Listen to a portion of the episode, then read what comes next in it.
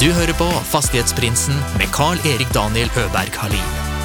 I denne podden får du følge med på eiendomsinvestorer fra Sverige og Norge når de deler sine erfaringer og tips med oss lytterne.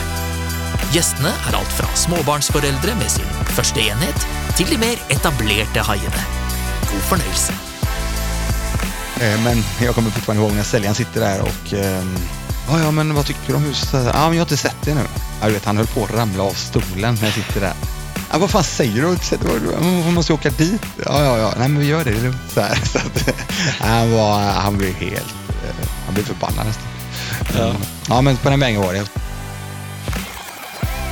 veckans avsnitt får vi höra hur Christian 2014 radikalt förändrade sitt liv och hans resa fram till idag där han har över 80 enheter, driver Hacka ditt liv-konceptet, där han genom bland annat sin podcast och Instagram alltid strävar efter att hjälpa andra och tillföra värde.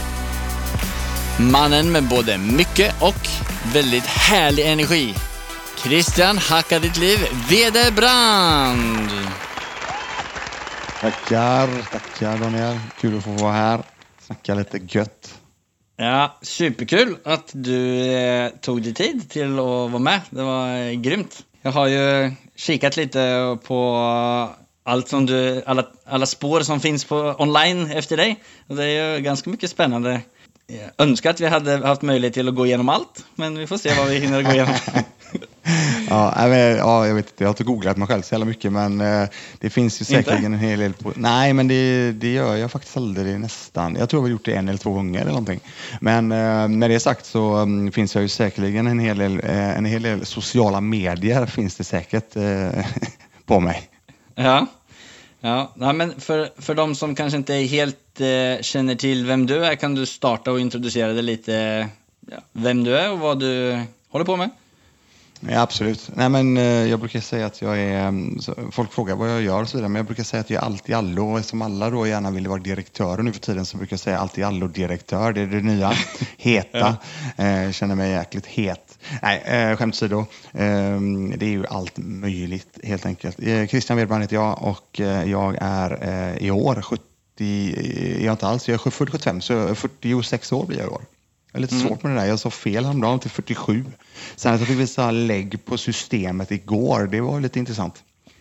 Eh, dock, ef- dock efter min fru då, som eh, oftast får gå först och visa sitt lägg först.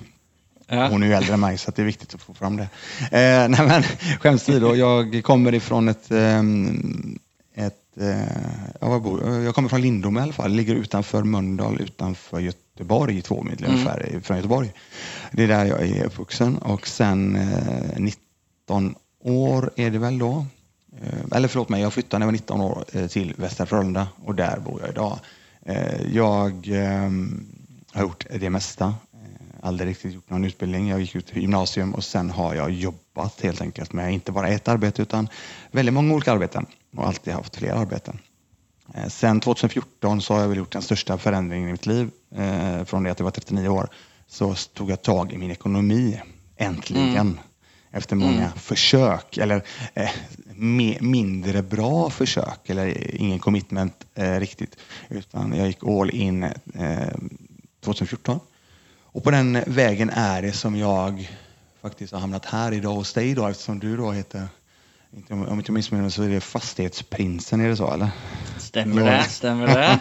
Precis. Och då tänker jag att ja, ja men visst, vad fan, det, är- det är klart vi må- vi måste vara med på Fastighetsprinsens eh, podcast. Nej, men det är ju så här att eh, sen eh, fyra år tillbaka, strax över fyra år nu, eh, första, köpte jag första fastigheten 2017, eh, första februari. Okej. Och på den, på den vägen är det. Och det är ju så här att, men vi kommer ju komma in på det säkerligen. Eh, och eh, det är ju så här att det är ingenting som händer över en eh, natt att handla en fastighet, utan det är ju en resa fram till dess. Och framförallt min resa börjar ju då som jag sa 2014, framförallt för att ta tag i min ekonomi och sen börja bygga ett kapital. Eh, lång, ut, lång utläggning. Ja, men för jag har ju som sagt grävt lite och försökt finna eh, en del eh, och diskutera och prata med dig om. Då var det det som du säger att 2014 så var det någonting det, som hände. Du, eh, du eh, började ta tag i din eh, personliga ekonomi. Var det någonting som ledde upp till att du 2014 bestämde dig för att köra eh, och göra någonting åt det då? Eller? Alltså jag har försökt tänka tillbaka ganska mycket. Tiden går så jäkla fort. Liksom. Så att ta vara på den tiden, ska jag säga till alla ly- lyssnare ute, det går extremt fort. Och framförallt om du har barn, eh, som du också har då Daniel. Eh, Det, Du har ju små barn, mina är stora. Det var inte länge sedan de gick i eh, grundskolan, mina barn. Nu helt plötsligt så bor de inte hemma längre. Så Nej. det går extremt fort. Eh, Men som svar på din fråga, eller rätt sagt, då, är det så här att jag var jäkligt trött på att eh, ha alldeles för lite pengar kvar på kontot. Eller sagt, eh, inte några pengar alls kvar i princip eh, när det var några dagar kvar varje månad. Och det är ju inte bara jag, utan det var ju jag och min fru helt enkelt, och familj. Eh, där vi eh, inte, vi har, vi, vi har aldrig hamnat i det. Fatta mig rätt nu. Vi har aldrig hamnat illa det till. Vi har alltid klarat oss, alltid haft flera jobb och allting. Men de pengarna, det har blivit konsumtion på allting. Allting. Hela tiden. Så det var ju en grej som jag, jag var jäkligt trött på och landade i att fan, ska det vara så här? Eh, vad fan, eh, det är ju samma sak nästa år och nästa år och nästa år igen. Det kommer ju aldrig hålla. Fan, någon gång så måste jag kunna bygga upp någonting. Så det var en, det var en stor del av det. Sen var det faktiskt, som jag inte tänkt så mycket på eh, i efterhand, men nu när, jag tänk, när du frågar mig så är det så här att i samband med detta att jag gjorde den här förändringen så um, började min eh, fru, hon började plugga till redovis, redovis- redovisningskonsult. Och då fick vi leva på en lön plus en studie, ett studielån. Och vi tänkte, hur fan ska det här gå? Alltså, vi har ju inga pengar innan liksom. Alltså kvar, fattar man. Eh, utan, och då, då tog jag, det var ju också en grej som gjorde så att jag verkligen tog tag i detta då. Och jag snackade väldigt mycket om det senast igår på eh, Hackade Liv-podden som jag, som jag också kör. Mm. Ehm, så, så, så, så berättade jag just om det här att jag satte mig ner och verkligen tog tag i det genom att se vart tar alla pengar vägen? Och det är ju det första jag gjorde och jag tror att väldigt, väldigt många människor, eller sagt alla människor bör göra detta. Och inte bara en gång utan kanske en gång eller två gånger per år. Att verkligen ha koll på vad fan tar de här pengarna vägen? För det är extremt mycket olika hål som de faktiskt läcker ut via. Det märkte, märkte jag. Så att på den vägen är det. Eh, och jag hade ett varför också. Jag landade i ett varför och mitt varför var att jag ville känna en form av trygghet. Jag ville inte gå och ah, var lite halvt oroad. Jag, var, jag ska säga så här, jag var inte oroad i den bemärkelsen. Däremot så är det så här, jag kände bara så här, okej, fan, jag måste göra exakt samma sak imorgon för att ha samma pengar löpande hela tiden, oavsett om jag hade två eller tre arbeten. Och jag ville på något sätt eh, börja bygga upp eh, tillgångar, vilket jag hade lärt mig då vad en tillgång var. Någonting som genererar pengar och inte tar pengar från mig, utan ger mig pengar i, plånboken. Och eh, ja, på den vägen var det i alla fall. Att, Vad var det du gjorde då? Alltså var det 2014 som du startade liksom Hacka ditt liv-podden eller Instagram-kontot eller, och liksom hela det konceptet? Det var det inte. Utan eh, grejen är så här. Jag, eh, jag instruerar sedan många, många år tillbaka eh, i olika former, men framförallt kampsport. Och jag har instruerat inte bara i det, och det gör jag fortfarande, utan jag gillar att lära ut saker som fungerar för mig. Mm. Och det har ju varit genomgående sedan jag var ja, säkert 20 år och framåt. Mm. Och jag tycker det är jävligt kul att snacka inför människor. Och Okej. eh, in- interagera och eh, dela med mig och helt enkelt av saker som funkar och inte funkar. Och eh, 2014 eh, hade jag inga tankar på något sådant utan jag fokuserade på att ja, all in på det som jag gjorde. Liksom. Att eh, hålla en hög sparkvot, eh, alla pengar som blir kvar varje månad efter jag då hade gjort en budget och börjat skära på kostnader som var onödiga så la jag in eh, allting i, eh, på börsen helt enkelt via utdelningsaktier. Sen var det så här att eh, jag, eh, ja, jag, när någonting funkar för mig eller någonting som jag gillar så pratar jag om det utan att eh, ta betalt för det så pratar jag med allt och alla om hur det funkar. Och då kände jag, vad fan, jag kanske ska börja skriva en blogg om detta, den här resan. Och detta var väl 2017 där jag vet att jag började skriva lite olika inlägg som jag kände att, ja, men fan, jag kanske någon gång kanske kan göra någonting med det här.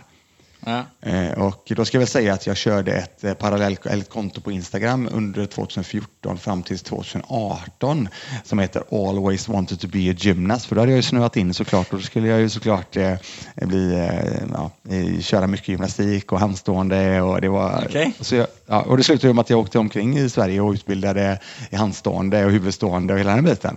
Eh, Det är en, det är en side-note men så är det Ja. i alla fall. Och då tänkte jag att, men fan, det här jag gör nu och min resa fram tills då och så vidare. Så jag drog faktiskt igång Hacka Liv-kontot på Instagram. drog jag igång 2018. Mm. Och sen drog vi igång Hacka Liv-podden 2019 då. Ja, okej. Ja, och Så, så- och, och 2017 var det första fastighetsköpet. Precis, och det är ju eh, 2017, eh, första februari. Men eh, du har ju intervjuat några stycken nu eh, i, i din eh, podd. Och du eh, har ju säkerligen också hört då att det är ju ingenting som händer att, och det är det jag gillar med fastighet. Jag skulle säga det också att det är så här att det händer ju inte över en dag. Utan Nej. det är ju en process. Eh, Jag hade ju redan sagt ja i, om inte jag minns fel så sa jag ja, ja x antal veckor tidigare då, eller om några månader eller vad det var, så har du tillträde då vid en viss form av eh, tidpunkt. Men tillträdet är första februari för min del. Mm. Eh, Upprinnelsen till det är väl att eh, det finns ju lite olika böcker där ute. Mm. Det finns ju olika eh, poddar där ute. Det finns däremot inte så jäkla mycket svenska saker, i alla fall inte då jag, när, när jag drog igång. Det fanns inte alls någonting, ja, nästintill ingenting på den svenska marknaden när det gäller fastighetsinvesteringar, hela den biten. Den personen jag hittade, det var faktiskt Lars Dyrendal. Okej. Ja, eh, via, via internet helt enkelt. Och eh, jag tror till och med Han har faktiskt, han. han har jag faktiskt intervjuat. Ja, ja, han är skön, Lars. Eh, han, Ja. eh, vi, har en, vi snackar en hel del på, på Insta. Okej. Ja, så att, och då, jag vet att, och det här vet inte han om tror jag. Jag köpte faktiskt en eller två av hans pdf-er, sådana här e-böcker. Du vet, han körde då, mm, jag Ja. tror det var någon, några spänn eller någon spänn och sådär. Eller någonting. Kul. Det kommer jag ihåg. Och, eh, men det var inte mer med det, utan det var det enda- jag hittade faktiskt. Sen Mm. det som jag snöade in på, eller hittade i slutändan, det var ju då, vi snackade om detta tidigare du och jag, eh, hittade Bigger Pockets. Mm. Bigger Ja, Pockets de är är ju då. Ja, det är ju fantastiskt bra. Men det, det är ju det är ju egentligen där jag byggde hela min eh, utbildning, eller rätt sagt hur jag skulle kunde tänka. Eh, nej men alltså, eh, hur, jag, hur jag lärde mig att faktiskt kunna räkna på fastigheter. Det var någonting som jag gjorde extremt mycket under en längre tid. Och eh, för de där ute som eh, tänker och så vidare, tänker på att ah, men, eh, hur ska jag hinna de här grejerna och kanske och så vidare. Men utan det är ju parallellt då med ditt fa- faktiska jobb. Eh, jag satt ju till exempel tre till fem timmar om dagen och utbildade mig på Youtube, det var podcasten, det var satt och räknade, vi snackade lite om objektvision du och jag innan, satt och kollade på pro- projekt, alltså, em, eller objekt rättare sagt.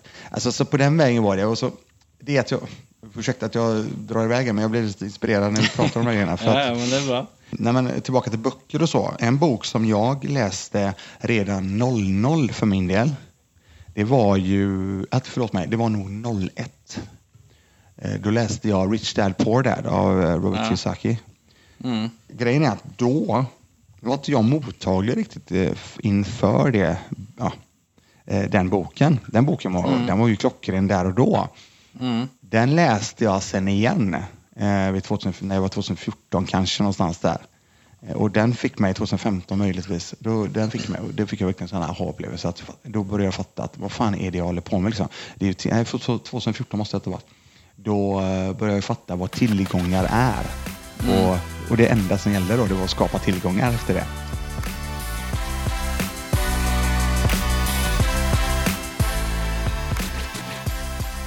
Men det där är ganska kul att du säger det, för jag eh, har haft en liknande eh, upplevelse. Jag har lyssnat och läst på massa böcker genom liksom, de sista 10-15 åren. Och, eh, och, men det är inte förrän ganska nyligen som jag också upplever att jag har, jag vet inte om jag ska säga börjat förstå dem, eller om jag bara har varit mer mottaglig för det, eller börjat kanske agera lite mer på det. Och det är väl också kanske att jag har ramlat bort i andra typer av böcker. Alltså, jag lyssnade på en podcast som du hade där du sa att du hade varit på ett sånt Grant Cardone eh, evenemang. Han är ju en väldigt fascinerande typ och det har väl varit en av mina liksom, stora grejer som har hämmat mig har jag kommit fram till nu i efterhand att jag inte har liksom klarat av att tänka stort nog. Man är lite så svenskt lagom är bra men han är ju eh, på helt andra sidan av den skalan eh, och har sprängt den. Han ska, du ska ju liksom expandera dina tankar på ett helt sjukt sätt med hans 10x-bok liksom, till exempel. Och det är ju sjukt fascinerande.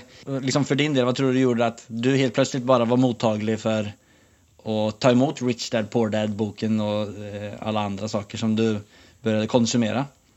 Men det var väl egentligen, eh, det, jag, jag nämnde det lite grann förut, att det var väl egentligen att det var väldigt mycket som sammanföll under den här tiden. Att jag mm. Eh, hade de här tankarna att fan det här håller inte. Liksom. Alltså jag kan ju inte hålla på så här och bara, bara göra samma sak hela tiden. Kanske inte samma sak men det var ju hela tiden det här att ja, men, eh, slutar jag jobba imorgon?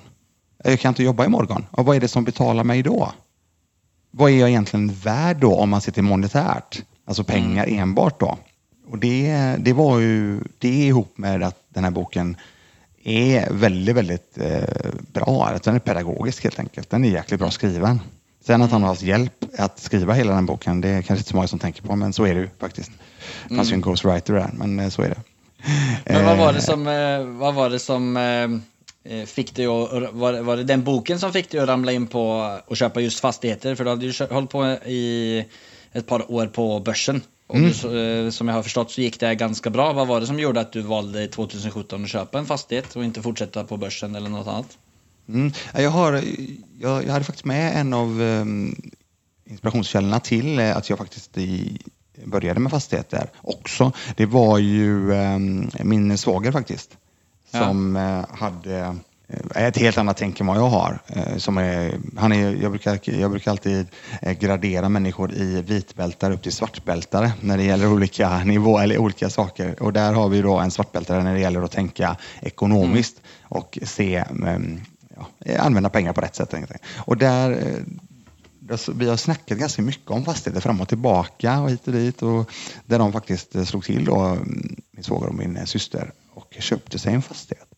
Och på den vägen, eh, och det gjorde ju också då att jag blev ännu mer insp alltså inspirerad av att faktiskt kanske gå fastighets, eh, ja, i alla fall investera i en fastighet. Mm. Som sagt, det var många saker som gjorde det. Men sen, sen ska jag säga så här. Det är ju en jäkla resa mentalt att in, inför det där. Vi snackade lite grann om du och om det. Alltså vi kan ju läsa, lyssna, räkna hur mycket vi vill. Men kom, alltså trycker vi på knappen och kör mm. så kan, mm. det finns ju inte en chans att lära sig eh, mer än eh, so much. Är du med mig? Alltså du mm. måste ju, någon gång behöver du trycka på avtryckaren och verkligen fuck it, jag kör. Mm. Det, det, det, var ganska mentalt, eh, en, var en berg och dalbana upp och ner för jag hade, ju det, jag hade byggt upp eh, ganska intressanta summor för min egen del på börsen mm. med utdelningsaktier. Det var mitt eh, tänk, det är utdelningsaktier som gäller. Det är dividend, dividend, dividend hela tiden. Och det är också amerikaner som hjälpte mig. Alltså, det var jag hade hittat inspirationen. Men sen så kände jag att, ja, fan ska jag, ska jag inte, ska jag, ska jag inte. Fram och tillbaka, fram och tillbaka. Så hittade jag ju då i slutändan ett objekt som, eh, som faktiskt stämde överens när jag räknade fram och tillbaka hit och dit på eh, vad jag lärt mig på Bigger Pockets till exempel. Och, var det en sån klassisk Bigger Pockets eh många enheters eh, high yield-enhet eller vad var det för typ av enhet då? Mm. Ja, men om man nu ser till det då, om vi slänger oss med bigger pockets-termerna eh, och de amerikaniserade termerna. Jag gillar det, jag tycker det, för menar, det är ju därifrån jag ja. kommer egentligen. Ja. Eh, nej, men då, Brandon Turner som, som har, som driver Bigger Pockets eh, Ja, Scott Trench är ju VP eh, och det är ju Josh som drog igång allting. Men det låter som jag känner dem, men det, ju, det blir lite så när man har dedikerat extremt mycket timmar med de här människorna eh, i mm. lurarna. Men Brandon Turner tycker jag är fantastiskt eh, duktig på det han gör. Han sköter ju den podden ihop med eh, David Green om inte jag minns fel. Och det är ju, vi snackade om det innan och det är ju du som är David Green i det här fallet. Jag har ju inget skägg dock som Brandon Turner. Eh, men skitsamma. Du har anlag till att odla fram det ser jag. Så det... Ja, lite. Men lite. Ja, sen att jag fick det efter jag var 40 eller sak. Eh, nej, men, nej, men tillbaka till eh, Brandon Turner och just eh, det vi pratar om då. Mm. Eh, när det gäller yield, när det gäller cash on cash return och hela den här biten. Så jag har ju kopierat Brandon Turner helt fullt rakt av och jag, är ju, jag har inga problem att nämna det. Det är ju så jag har lärt mig. Och han har ju, en av hans parametrar är att han ska ha 12 procent cashflow, alltså förlåt mig, cash on cash return då, mm. på, på den här fastigheten. Och det hade ju vi på den här fastigheten. Mm. Kan, du, kan, fan- du bara, kan du bara berätta lite snabbt vad cash on cash betyder? För de som Mm, inte precis. vet. Ja, för, för min del då, eh, hur jag ser på det, så finns det olika Mm. hur folk räknar, men det är ju alltså eh, procent på eget investerat kapital tillbaka. Mm. Det är det det handlar om.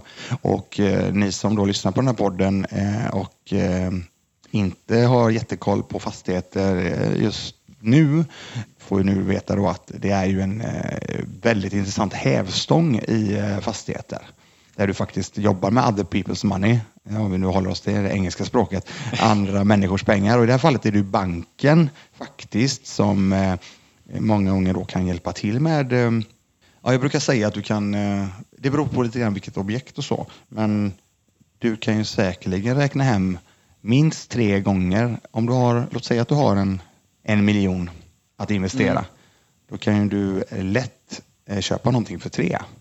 Eh, Du skulle potentiellt kunna köpa någonting för fyra, beroende på hur mycket belåning du får då. Mm. Och ja, på den vägen är det, det är ju en, det är ju en, av, återigen, perksen, eller eh, prosen då, för fastighetsinvesteringar, som jag ser. Mm. Men, och sen, jag räknar ju inte på säljarens eh, eh, kostnader, utan eh, jag följer, följer, följde ju då Brandon Turner slaviskt när det gäller den biten. Räknar 50 procent av hyresintäkterna i eh, drift, kostnader, för att få med vakanser, för att få med property managers, eh, ja, hela det kittet då. Och för de Ja, för som det, undrar... det skiljer ju ganska mycket åt vad 50 procent i kostnader eh, mot vad som står på eh, en eh, annons på, ett sånt, på en sån fastighet. Ja, precis. Och det är, men där i, i de 50 procenten så ligger ju även den här capexen när det gäller eh, eh, saker som komma skall, till exempel ett potentiellt takbyte, eh, kanske någon ny värmepanna. Alltså, hela de, alltså där i ska ju även de kostnaderna eh, Alltså avsättningar för eh, Ja. potentiell, eller när taket ska gå sönder i löpet av 30 år så sätter man av pengar till det. Mm, I Till de 50 exempel. procenten av Alltså, intäkterna. Ja, alltså när du väl räknar, sen handlar det om att du ska också göra det. Det är det som är grejen liksom. Du sitter Ja. där ändå du vet och så, ja men vad fan, vi ska investera det här och det här. Ja men vänta nu, nu ska vi se här, vad är pengarna?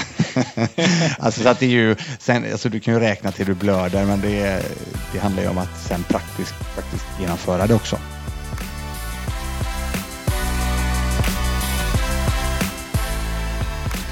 Vart låg den här fastigheten som, eh, som ni köpte 2017? Mm. Eh, ja, du bor ju i Norge så det var ju på väg till Norge då. Eh, Okej. och, och, av alla ställen. Nej, men, det är Lysekils, Lysekils kommun och att det blev där det var ju återigen satt inne på och räknade på jättemycket olika objekt på objektvision. Då. Och det visste jag inte ens om vad det var innan. Jag hade en gammal kollega som höll på lite med fastigheter. Han pratade en del om det och han nämnde det för mig. Jag tänkte, ja vad är det här? Fan vad kul, vad, vad fräckt. Och så nu Hemnet för eh, potentiellt fastighetsinvesterare då. Eller köpa fastigheter. Så det var ju också en sån här aha-upplevelse. Eh, Jag kommer faktiskt ihåg det. Jag la faktiskt ut eh, ett, ett av mina tidigaste inlägg på eh, Hackade Liv-kontot var just att jag presenterade och berättade om objektvision. För jag var så, fan det här är ju, det var en grym grej för mig där och då. Så, så vet jag att jag kommer ihåg att jag fick en fråga på Twitter av alla ställen. Där är jag ju inte jättemycket längre, men då gick den ju ut det här. Eh, och så frågade ställde han en fråga, han är lite halvförbannad faktiskt. Så här. Vad har det här med att hacka mitt liv att göra? Objektvision då. Så han riktigt sån eh, eh, uh, uh, pittedick som jag brukar kalla det. Uh, hittar ursäkter och allting.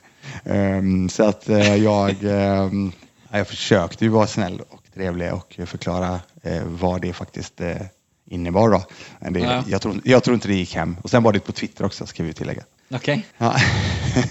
Nej, men eh, objektvision. Och då hittade jag här, eh, den här fastigheten. Och den har legat ute ett tag. Och det var även budgivning på den. Och, men det stämde så jäkla... Jag kände bara, fan det här är någonting som... Började kolla, vad fan är det här för ställe? Jag visste ingenting om stället. Jag började djupdyka mer mer i, i, i området. Gjorde min DD då, som det kallas, due diligence. Alltså verkligen sådär, kolla vad finns för olika bolag i närheten. Ehm, Är det på uppgång eller nedgång? Eh, Lite sådana saker då. Jag lyssnar ju då som sagt på Bigger Pockets. Jag gick, jag gick det upp uppifrån och ner och mm. nerifrån och upp, fram och tillbaka, räknade och det såg, jag kände bara, vad fan, det känns ändå okej okay, liksom. Det finns en del att göra på huset som jag tror potentiellt skulle kunna ge lite mer värde.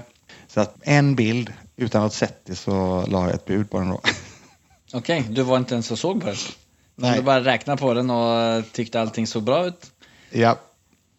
Det här är kanske inte det mest optimala eh, för eh, folk, eh, men återigen, jag, jag kommer ihåg fortfarande, och jag har nämnt det några gånger på podden, jag har ju nämnt detta flera gånger på, jag tror detta är andra avsnittet på Hacka Livpodden faktiskt. Vi är uppe i 62 mm. nu, eller uppe i 62. Eh, jo, då berättade jag då om hur det var att den här resan då, i min mentala resa, att jag ligger där på, jag tror detta är en tisdag om inte jag minns fel, och säger det till Malin, fan det känns ändå som att vi kanske ska, fan jag, jag tror jag ska lägga bud på detta huset. Och då har jag verkligen inte sett mer. Jag har räknat, som, jag har, trust me, alltså, jag har räknat jättemycket fram och tillbaka. Eh, våndats fram och tillbaka. Så jag, bara, äh, jag gör det. Så jag la faktiskt ett bud till mäklaren och så ringer mäklaren, eller skickar jag in budet och dagen efter så ringer mäklaren. Ja, du känns som att du kom in rätt bra, sa han. Jag bara, äh, va? Uh, då började ju hjärtat bara pumpa och det var adrenalin och allting. Och bara, ja, nej, men vi har en budgivare kvar, för då har de hållit på ett tag. Då har de budat från 1,8 miljoner och jag la 2,4.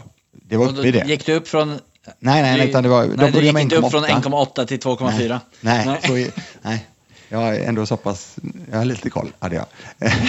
nej men, nej men 23,50 eh, tror jag potentiellt. Jag har den här, eh, jag har hela den budgivningen. Ja, men mm. 23,50, 2,350 eh, lag den på tror jag.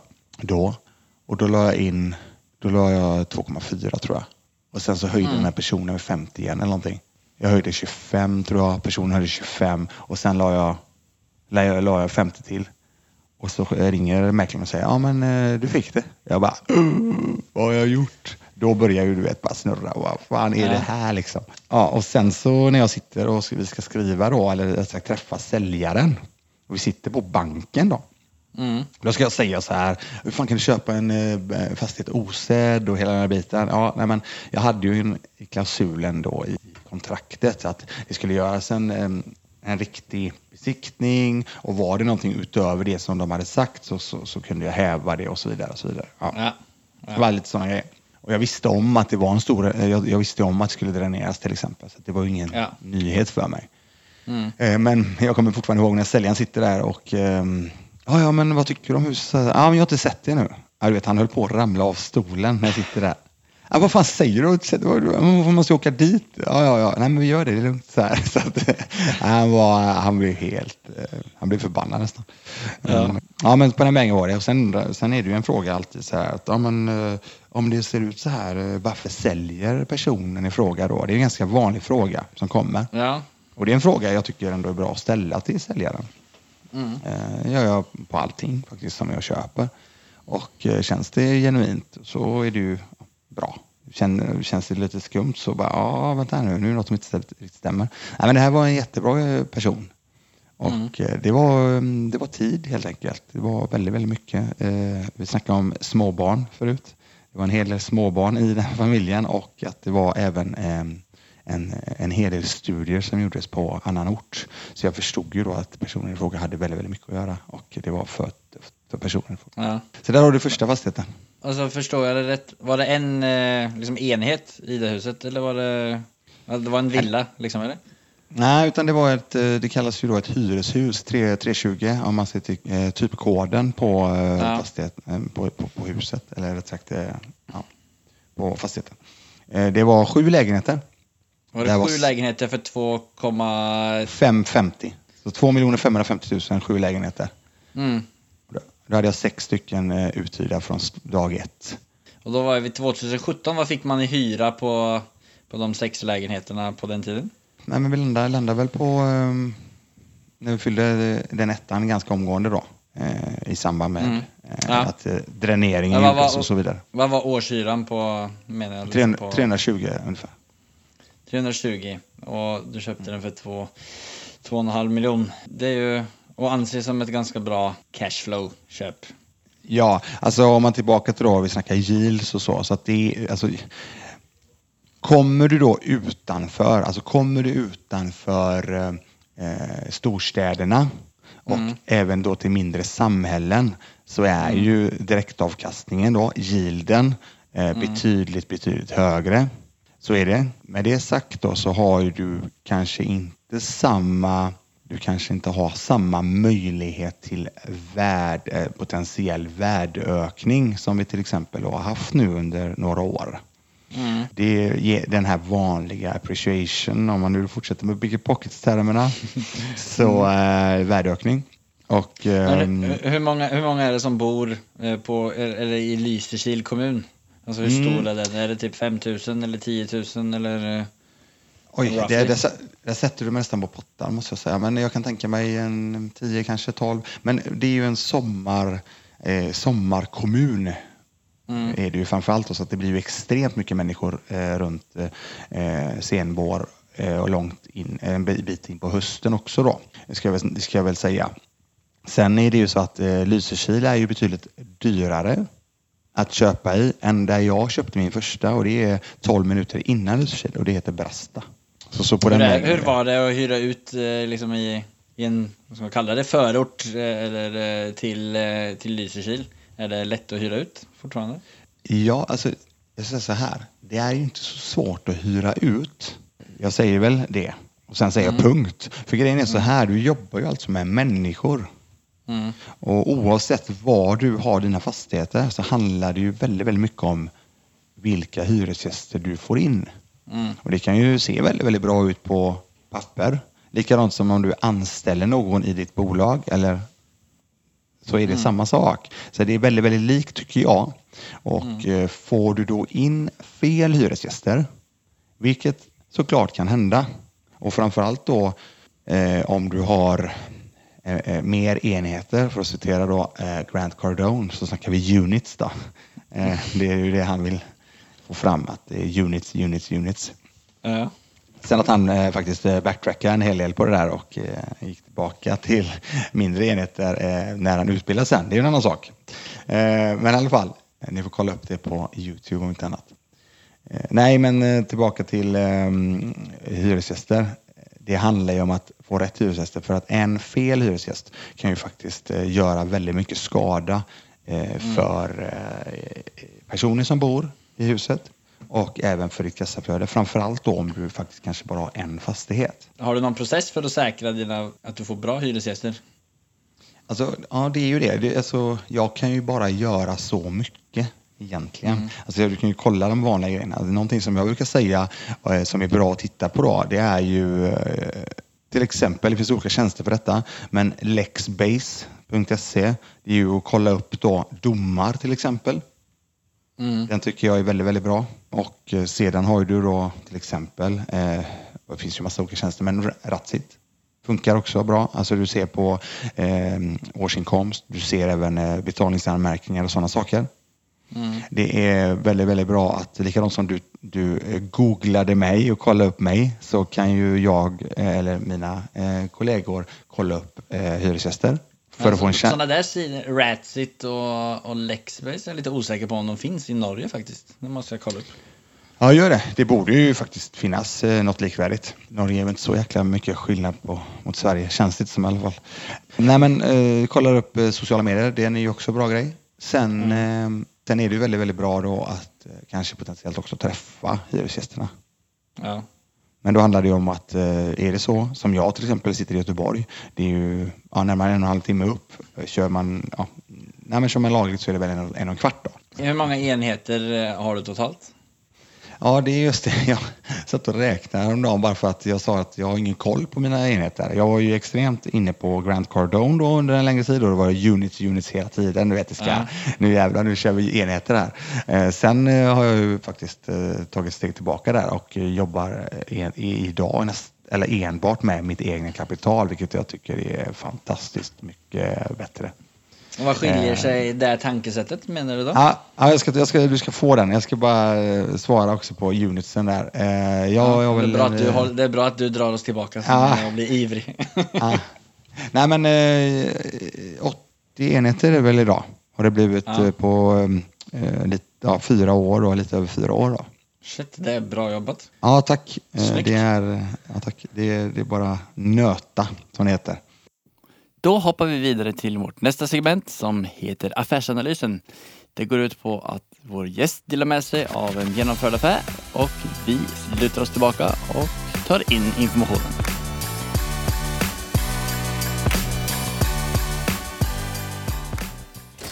It has not been easy for me. And, you know, I, I started off in Brooklyn. My father gave me a small loan of a million dollars. Affärsanalysen. Har du tänkt ut någon deal som du vill dela med dig om? Ja, det här är en lägenhet, en nyproduktion som jag nämnde. En liten eh, nyproduktion, en vinstlägenhet som är på 23 kvadrat. Eh, och eh, jag, om inte jag minns helt fel, så var det 2018 Mm. som jag signade på den här. Mm. Som jag signade på den här. Jag signade på den här lägenheten 2018 tidigt. Eh, januari, kan det varit februari potentiellt. Tillträdet var i maj. Jag köper, eh, jag lägger en 10 eh, jag lägger 10 i handpenning och lägenheten kostade då 1 334 000. Okej. Ja, och i en bostadsrätt, bostadsrätt så har du en avgift som du då får betala till föreningen för att täcka kostnader och så där. Då, eh, och den låg på under 2000 kronor. Så på den vägen var det. Eh, jag har ju då under tiden parallellt byggt upp en relation med bank. Eh, vilket är, vilket, vi, vi, vi, vi pratar inte så mycket om det förut. Jag tänker jag nämner det här och nu. Hur extremt viktigt det är att bygga nätverk och bygga relationer med allt och alla. Där banken är en jätteviktig spelare för er. Eh, Ta med det. Om inte ta med någonting annat så ta med det idag på det här avsnittet. För det är så jäkla viktigt. Other people's money som sagt. Eh, Okej? Eh, och då var det så här att jag eh, tillträdet skulle göras i maj. Inför tillträdet så har jag redan då fixat en hyresgäst. Eh, hyresgästen har signat så att från dag ett så är det bara att lämna över nycklarna och personen i fråga flyttar in. Eller rätt sagt, i det här fallet ett bolag som hyr lägenheten. Mm. Och när det väl börjar närma sig så eh, säljs två, båda lägenheterna bredvid den här lägenheten. Och då säljs de eh, två, tre månader senare då, som jag sa, eftersom vi börjar närma oss maj, så säljs de för 1750. 1 750 000. Oj, ja. Ja. Och det är ju väldigt trevligt. Ja. Eh, och framförallt då när jag får den, eh, när jag får det och även en värderingen av mäklare och visar den för banken så eh, slutar det med att jag faktiskt inte behöver låna en spänn till av banken på grund av att eh, värdet blir högre. Eller hur? Och jag har fortfarande samma belåningsgrad som jag faktiskt från början också hade eh, snackat med banken om. Ja. Men eftersom det var ett högre värde så fick jag my- mycket mer pengar ut och att jag hade betalat en 10 procent, 133 400 kronor. Så att jag betalade 133 400 kronor för den här lägenheten. Alltså du betalade? 133 400 kronor betalade jag för den här lägenheten. Ja. Med en, eh, med- en helt ny produktion, eh, ny vinstlägenhet, med en, så har jag fixat en hyresgäst som eh, då eh, betalade mig 11 000 kronor i månaden. Eh, nu var jag... Nu vart jag lite svimmig här, färdig här. Eh, kan du... Alltså hur, hur funkar det? Alltså du, det blev en värdering på 1,7 miljoner. Den var 1,750. värderad... Och, ja, och, och du köpte den för en miljon. Du la in 100 000 först. 1 miljon 330, ja, okej, om man ska hålla på, eh, siffrorna direkt så är det 1 miljon 334 000 kronor. Ja. Och vid tillträdet så eh, ska du ta upp ett banklån, eller? Ja. Ja. Och hur stort var det banklånet? Alltså, jag har ju då, det här är ju extremt ovanligt, ska jag säga. Ja. Att jag, eh, men jag har 75 procent belåning på den här lägenheten. Ja. I bolagsform? Ja. Mm. Och då är det så att eh, eftersom värdet har gått upp till 17,50 och banken säger att ja, men det stämmer ju. Tar du 75 procent på eh, 17,50 så ja, slutar det med att jag inte behöver, jag fick ett lån på, var det, 1 miljon 200 någonting. Ja. Och då hade jag redan betalt den här 10 procenten. Så egentligen om man nu ser på det så fick jag 90 procent belåning av banken.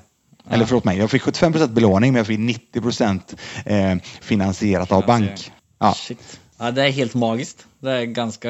Men har du kvar den, eh, har du kvar den lägenheten idag? eller? Jajamän, jajamän. Den är väldigt Ja. trevlig. väldigt, väldigt fin och trevlig. Du har inte gjort en sån eh, klassisk refi på den och eh, använt det för att köpa något annat eller? Nej, grejen är så här. Det är det som är lite utmaningen också. Du kan inte riktigt, det är inte jätteenkelt att refia de här lägenheterna då för att banken vill inte ta mer risk än vad de redan gör, skulle jag säga. Det är min eh, uppfattning då. Mm. Så att eh, jag har några till som ligger bra i pris och så vidare. Så att eh, vi får se vad det tar vägen. Ja. Men eh, det är ingenting du kan räkna med på något sätt att du ska kunna eh, refia. Däremot, Nej. gör du detta privat, vilket du absolut skulle kunna göra, då Mm. har du en helt annan möjlighet att faktiskt eh, göra eh, mer saker med refi när det gäller bostadsrätter. Det är min eh, eh, ute efter på det som jag har lärt mig. Mm. Då skulle du kunna eh, förmodligen göra det på ett bättre sätt. Ja. Grymt eh, kul eh, affärsanalys måste jag säga. Lite Mm, annorlunda lite, sa. lite annorlunda, ja precis. Ja, ja, men jäkligt kul. Då hoppar vi vidare till vårt nästa segment som heter Fyra frågor.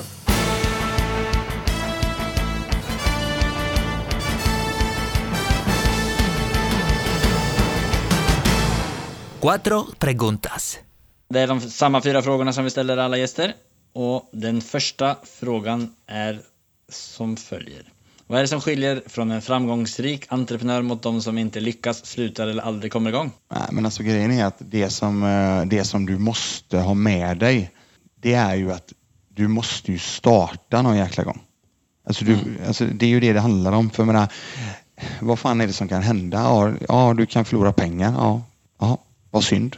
Men det är inte så att du går och dör liksom, utan du har ju fortfarande, du får ju bara jobba framåt. Jag menar, om du på något sätt har någon som helst eh, intresse av att utvecklas som människa så måste du lära dig att åka på nitar.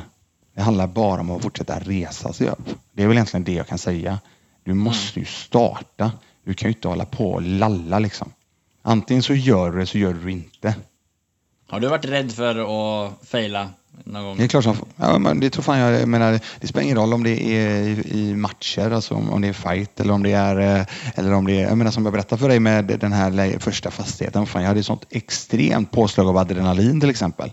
Jag hade jättepåslag. Det är klart som fan jag var orolig. För fan. Och- Och så började scenarierna bara skena iväg. Och jag menar, när de här scenarierna börjar skena iväg, alltså det, den värsta fienden är ju din egna hjärna. Är, är du mindre rädd nu än vad du var tidigare? Alltså, är det en sån mängdträningsgrej tror du? Ja men så är det. Jag menar, bara den här grejen att jag eh, helt plötsligt nådde första miljonen på ett och ett halvt år på börsen genom att eh, lägga om allting. Det var ju bara what the hell, vad fan, det är ju hur mycket pengar som helst. Och, och sen var det ju jättemycket pengar, 2 550 000 för första fastigheten. Och i, nu är det ju kanske inte jättemycket. Helt plötsligt så eh, är den här fastigheten i Göteborg eh, mer än ja, långt över 10-12 gånger så dyr. Så att det handlar om hela tiden att du, du flyttar hela tiden fram positionerna i, i tänkandet. Det blir, vi är vanedjur. Mm. Vi, ja, men det är viktigt att, att alltid känna att man utvecklas.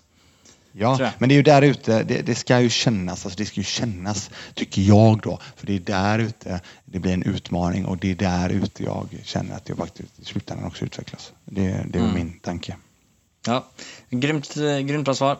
Eh, andra frågan. Om du hade obegränsat med pengar, alla fastigheter var ute på, till salu eh, i hela världen. Du hade kunnat plocka och, och välja och vraka vilken som helst. Vilken hade du tagit med dig hem då?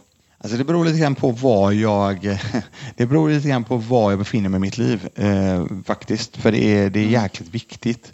Eh, om jag känner att jag eh, skulle vilja göra något helt annorlunda och bara ha tillgångar, då hade jag kanske inte köpt någon fastighet eh, faktiskt. Då hade jag hellre äh, agerat bank. Jag hade agerat bank. För det är det absolut mest eh, passiva du kan eh, eh, ha. Så att jag hade ag- agerat bank åt stora fastighetsbolag, säkra stora fastighetsbolag. Skulle jag jättegärna agera bank åt. Och skulle jag göra exakt eh, allt annat som jag kände för där och då. Om du var på ett mer galen plats i livet, vilken fastighet hade du valt då? Nej, men då hade jag ju eh, säkerligen köpt upp eh, x antal gator centralt i Stockholm eh, och Göteborg och så vidare. Det, det var det. En monopol helt enkelt. Ja, wild and crazy. Tredje frågan. Bästa boktips för en som är intresserad i fastighetsinvesteringar. Här tror jag att det kan komma ett ganska långt svar. Ja, nej, men grejen är att det finns ju så jäkla många olika grejer. Eh, Men Ja. eh, om man nu ska, om man verkligen, återigen, jag ska inte säga hur folk ska uppleva en bok. Däremot, den som har störst impact, tror jag, om du är mottaglig när det gäller mindset och att helt plötsligt öppna upp sinnet för att fan, det finns något mer där ute. Då är det Rich Dad Poor Dad tycker jag. Och Robert Kiyosaki. Jag tycker verkligen det. det är, men det är inte någon real estate-bok i den bemärkelsen, tycker jag verkligen inte. Utan jag tycker det är mer en mindset, en eye-opener för att det finns så jäkla mycket saker vi kan göra där ute. Eh, Vi behöver inte tänka så mycket på att ja, nu ska jag gå till jobbet 8 till 5 och så, eller 9 till 5 vad det nu må vara och så ska jag hem och så ska jag köra mitt race. Utan det finns så otroligt mycket mer eh, tankar bakom det. Så att där, där är en sak. Så att, eh, den vill jag inte sätta som en real estate-bok. Däremot så den, har den jätte, jätte mycket betydelse. Eh, jag skulle nog säga, jag är tillbaka till Brandon Turner. Eh, hans, eh, nu kommer jag inte exakt ihåg men en av hans första böcker som är specificerad på eh, hur du kommer igång med fastigheter. Property, Real estate property investing eller något sånt där, Brandon Turner. Och hans eh, fru har ju varit med och co-writat den. Den är ju fantastiskt bra. Ljudboken, för Brandon läser själv. Han har jäkligt schysst och skön röst. Så den kan jag verkligen rekommendera. Han har gjort flera böcker, men han läser sina böcker själv och det tycker jag är big, big, det är en cred på, till det. Han har grym röst och han gör det bra och han gör det kul.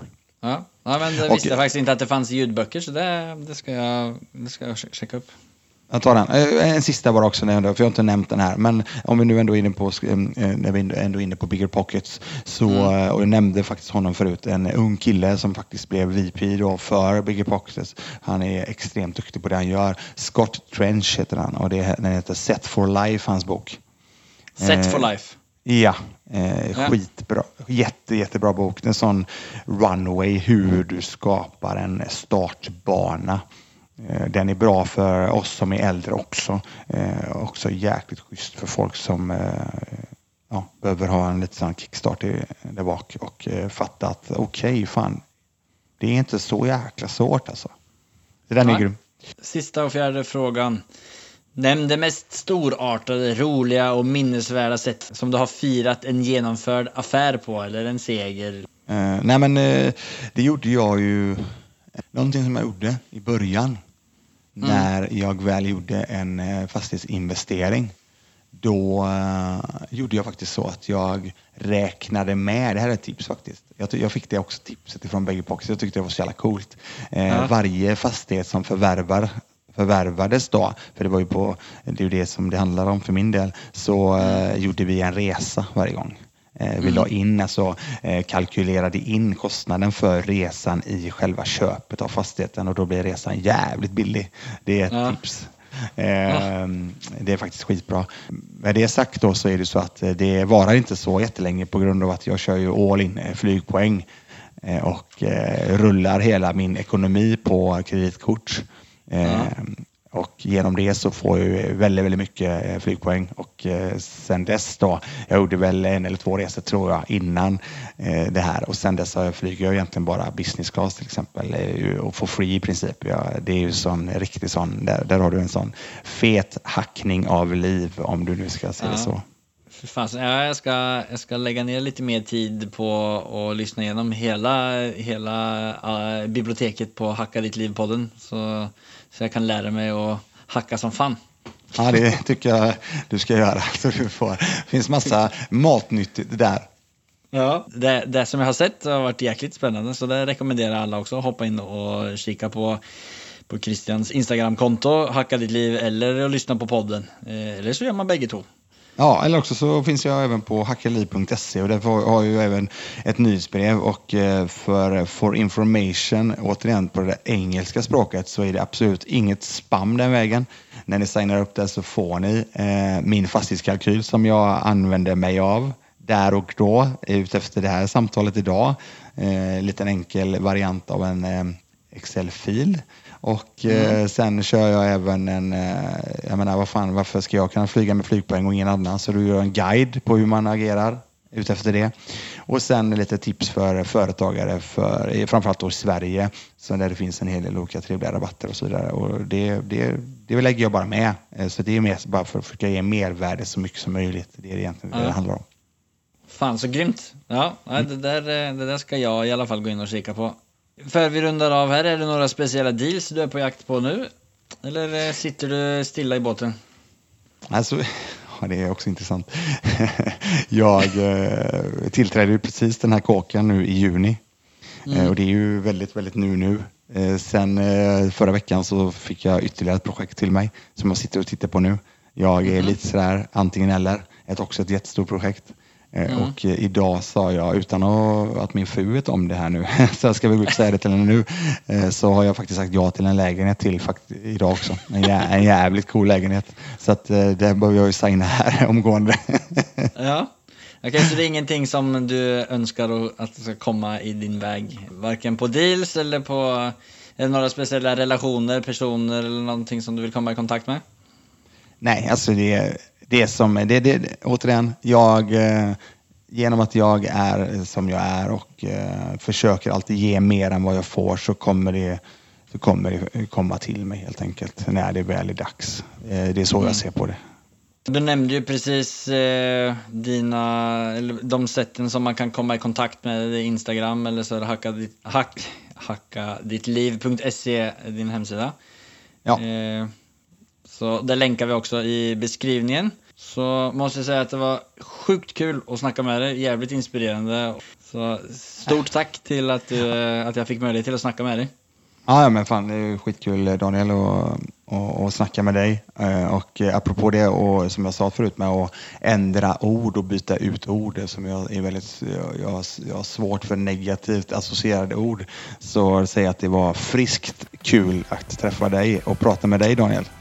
Ja, ja men det där var en snygg avslutning. Tusen tack Christian. Tack själv gubben. Då hörs vi. Det gör vi. Hej hej. Ha det. Tja. Jag har uppenbarligen inte svart bälte på att hitta information på nätet. Om jag hade varit där hade jag säkerligen hittat Christian och Hacka ditt liv och lärt mig ett ton av bra grejer om fastigheter tidigare. Det finns så många vägar framåt och Christian har visat att det aldrig är för sent att ändra mönster han styrker också det att det är så många olika sätt att in investera i fastigheter på. Och investeringsvägen kan starta i den ena änden och sluta i den andra änden då han har gått från att ha fokus på cashflow till att ha fokus på vilket värde han skapar. Jag har blivit ett stort fan av Christian. Är du inte det än? Så hoppa in på Instagram eller lyssna på Hacka ditt liv-podden. This is David the Swede Green signing out. Ha det en